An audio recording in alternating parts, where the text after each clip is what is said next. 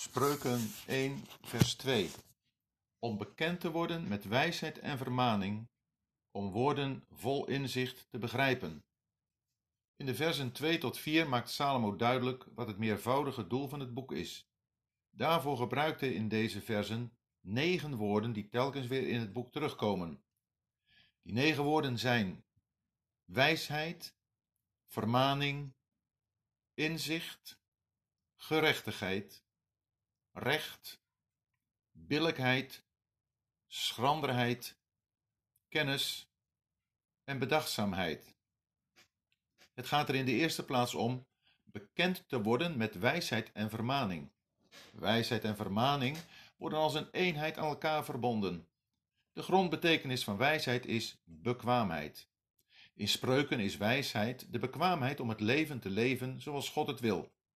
Het is de bekwaamheid om wijze keuzes te maken en succesvol te leven naar de geboden van God.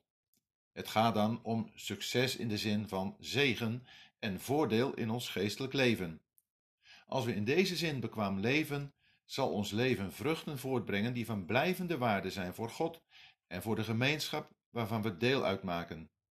Al Gods verordeningen zijn eenvoudig. Als we daarnaar leven, is succes verzekerd. Wijsheid is het beheersen van de kunst van het leven, maar dan wel zoals het is naar de wil van God. De kunst daarbij is niet alleen dat de wijze de gevaren van het leven onderkent, maar ook dat hij weet hoe hij ze overwint. Wijsheid is kijken en zien zoals God kijkt en ziet. Het is kijken naar hoe hij de wereld bestuurt en op dat bestuur op de juiste wijze reageren. Vermaning is onlosmakelijk aan de wijsheid verbonden. Het houdt onderwijzing in of, in ruimere zin, opvoeding, ook wel training. Het bevat de onderwijzingen van een vader aan zijn zoon. Daarbij hoort ook vermaning en bestraffing of tucht, omdat de neiging tot dwaasheid moet worden gecorrigeerd en de eerbied voor de Heer moet worden ontwikkeld. Daardoor wordt de jonge man in de juiste richting gestuurd.